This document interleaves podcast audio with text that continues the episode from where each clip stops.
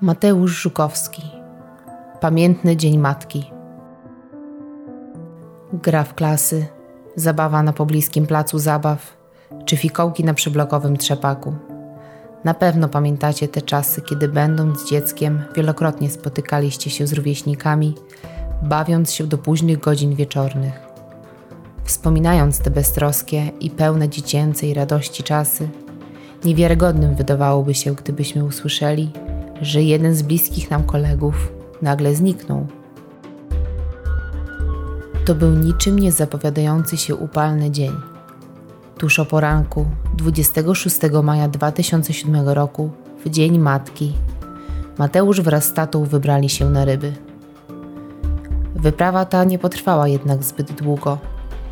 Ojciec chłopaka, Andrzej Żukowski, z powodu panującego upału uskarżał się na ból głowy. Postanowił więc zerwać się wcześniej z wyprawy z synem i wrócić na ponowne wędkowanie, gdy tylko jego samopoczucie się poprawi. Kiedy odpoczywał, dziesięcioletni Mateusz wybrał się do pobliskiego parku na spotkanie z dwoma kolegami. Gdy syn nie pojawił się w domu, nie wzbudziło to podejrzeń Żukowskiego. Stwierdził, że pewnie świetnie bawi się w towarzystwie rówieśników, przez co stracił rachubę czasu. Godziny jednak mijały. Ojciec chłopaka zdążył już wrócić do domu i ku zdziwieniu jego i żony okazało się, że Mateusza jeszcze tam nie ma. Zdenerwowani sytuacją rodzice natychmiast zaczęli poszukiwania syna.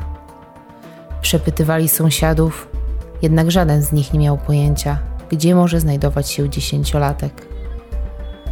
Ojciec, pamiętając, że syn to popołudnie spędzał z kolegami, udał się wprost do nich.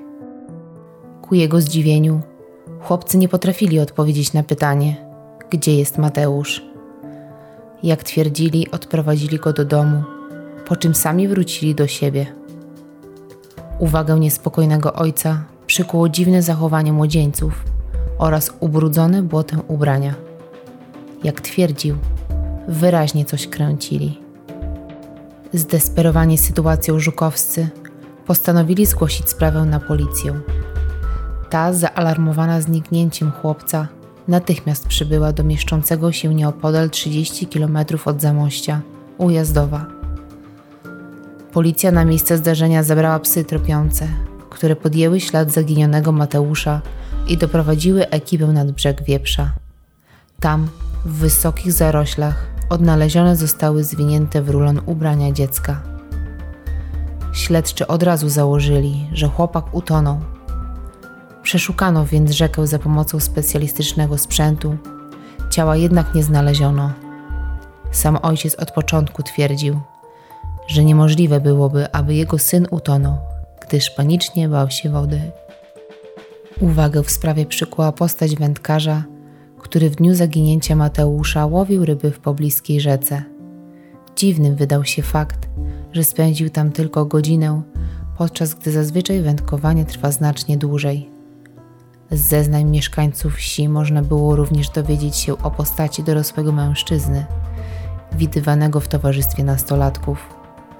Dawał im przeróżne prezenty. Jednak prokuratura nie powiązała tajemniczej postaci z zaginięciem. Sprawa dziesięcioletniego chłopca odcisnęła swoje piętno na rodzinie. Zdesperowani rodzice, w nadziei, że uda się im odnaleźć syna, skorzystali z usług jasnowidzów, których wizje nie przybliżyły do rozwiązania sprawy. Wpłynęły jednak znacząco na sytuację finansową Żukowskich, bowiem na poszukiwania syna zaciągnęli kredyty i popadli w długi. Na nurtujące wszystkich pytanie, co faktycznie stało się z Mateuszem, niestety do dziś nie znamy odpowiedzi. Jego ojciec wciąż nie ustaje w próbach rozwikłania tajemnicy zaginięcia ukochanego syna.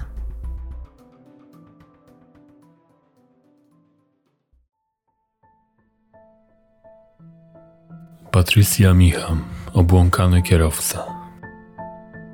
Wypadki drogowe od dawna stanowią przykrą część codzienności, do której zdążyliśmy już przywyknąć. Nie robią już na nas większego wrażenia, bowiem słyszymy o nich codziennie w prasie, radiu i telewizji.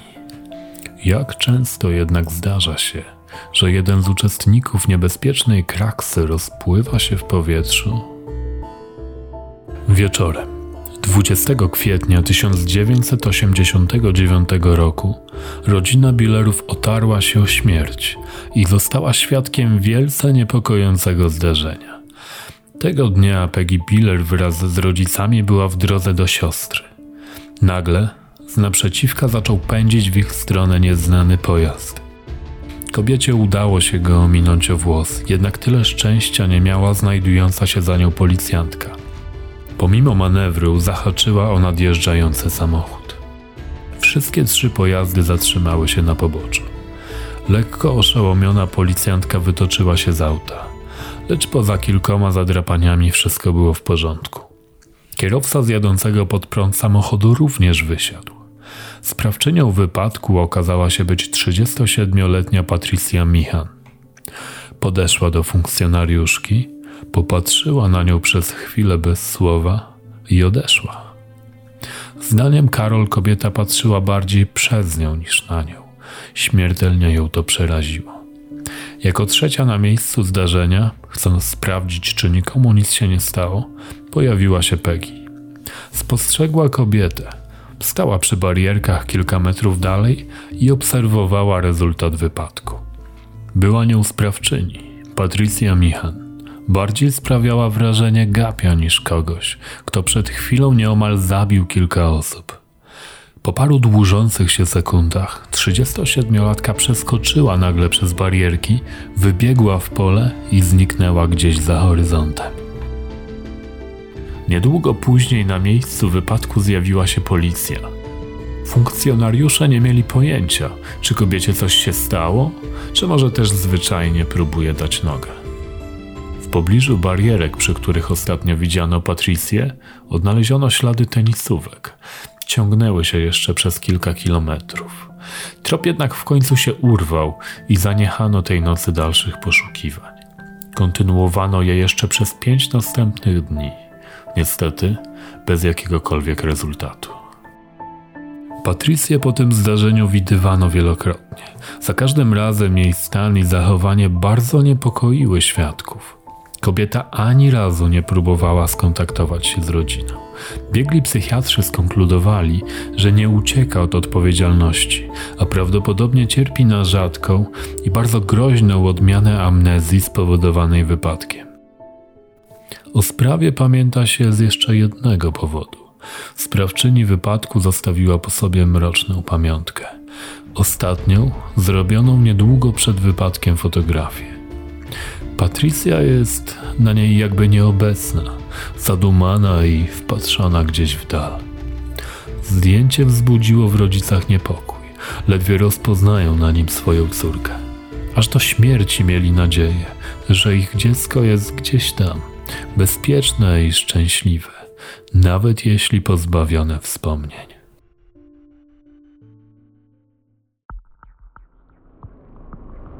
Sylwia Iszczyłowicz będąc krok od domu.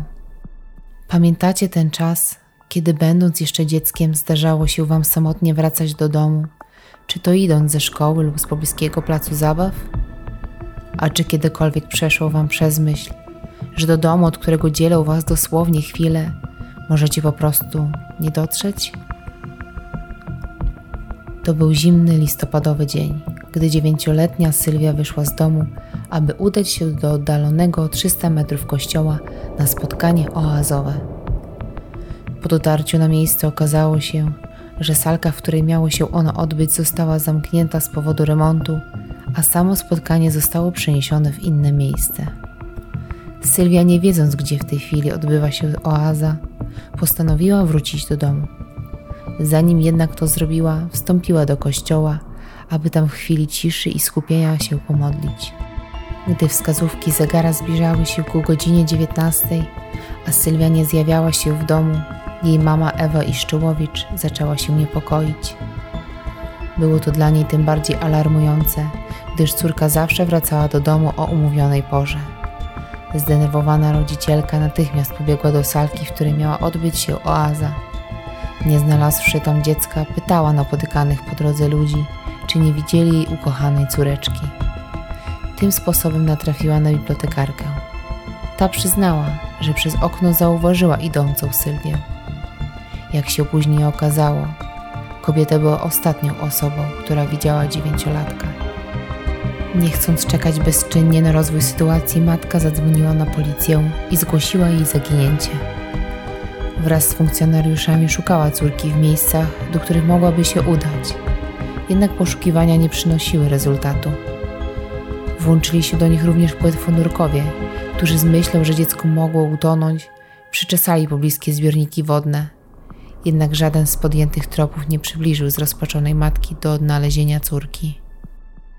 Pewnego dnia Ewa Iszczyłowicz otrzymała tajemniczy telefon, w słuchawce którego usłyszała głos wołającego dziecka.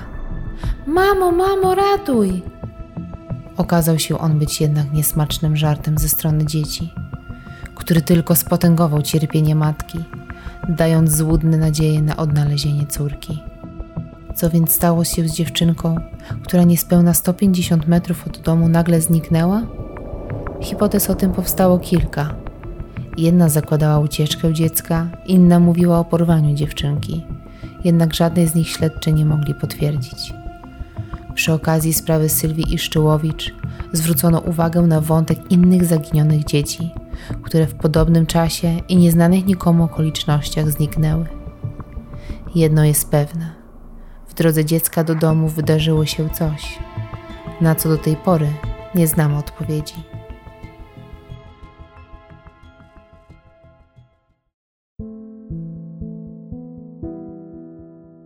Po latach poszukiwań rodzina stopniowo przestaje liczyć na odnalezienie najbliższej osoby.